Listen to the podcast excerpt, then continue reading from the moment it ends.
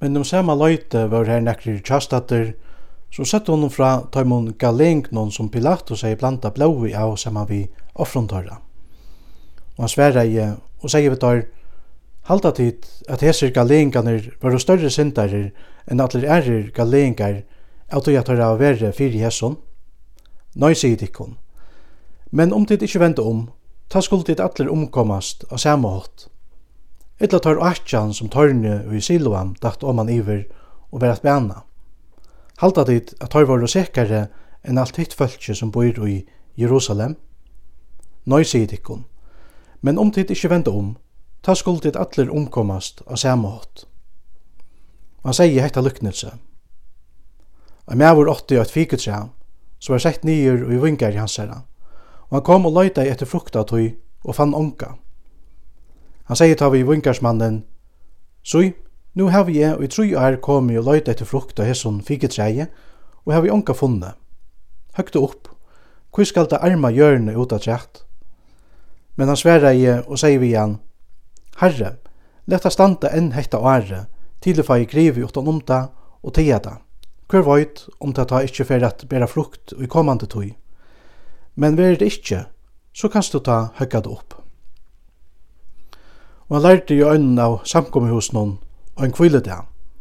Og så i her var kona som hei haft ein vøytløksanda i 18 år, og hon var kroppna saman og orska i ikkje av nekran hått er retta seg opp. Men da Jesus ber eia vi hana, råpa i han hana til og sier vi hana, Kvinna, du er slåst fra vøytløyga tøynon. Og han leie hendnar av hana, og i stundene rettest hon opp og lova i gode.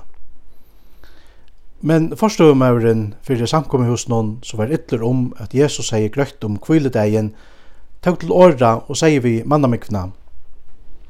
Det er seks dier som det øyer at være arbeid i.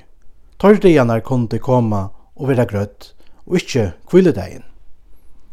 Men Herren sverar jo honom og sier, «Tikkara falsarar, løyser ikkje øyn og kvør tikkara oksasøyn etla asensutt av basen om kviledegjen og løyer deg at rekka.» Men henda konan, som er døkter Abrahams, og som sagt han hever hilde bundna og fjötrun og teg i atjan her, og til hon ikkje vera lost ur hesson bante og ein kvile det. Og teg han segi hekta, var allir møtstuvumenn hans herra fyrir skommon, og öll mannfjölden glettest iver alt det dyrdarryka som han gjørte. Han segi da, hverjon er Guds rujtjelukt, og hva skal det lukna da vi? Det lukta av noen sinnapskottene som er maver tåk og sette nyer og jorsta gersøyn, og det vaks og vært løtt sæ. Og himmelses fuglar bygde røyer og grøynen og atøy. Og aftur sier han, hva skal det lukna hos rydtje vi? Det lukt surdøtje som ein kona tåk og leie og i trymal av mjølle, inntil alt samalt var syra.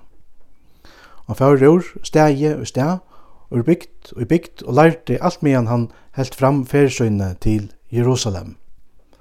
Men onker sier vi han, Herre, er det fa og i vera frelst? Men han sier vi deg, Strujist fyrir a koma inn i kjøkkenon hinnar trånk og dittnar. Ty at mong, sier tikkon, skulle røyna koma inn og kunne det ikkje.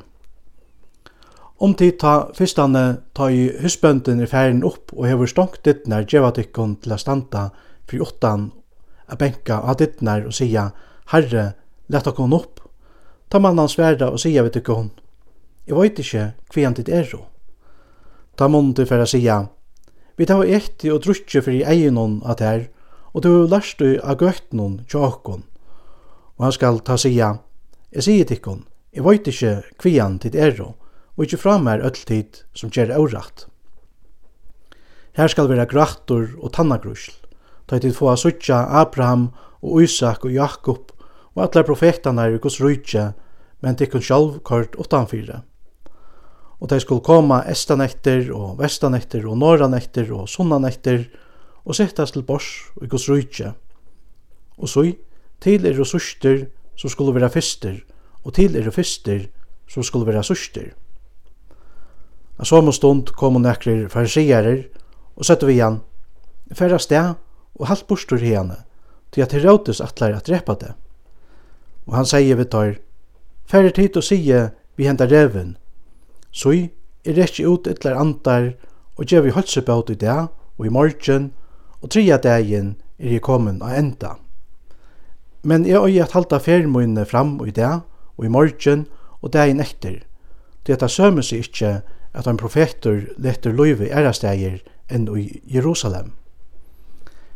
Jerusalem, Jerusalem, til som tekur profetanar av løyve og støynar tøyr som er senter til tøyn.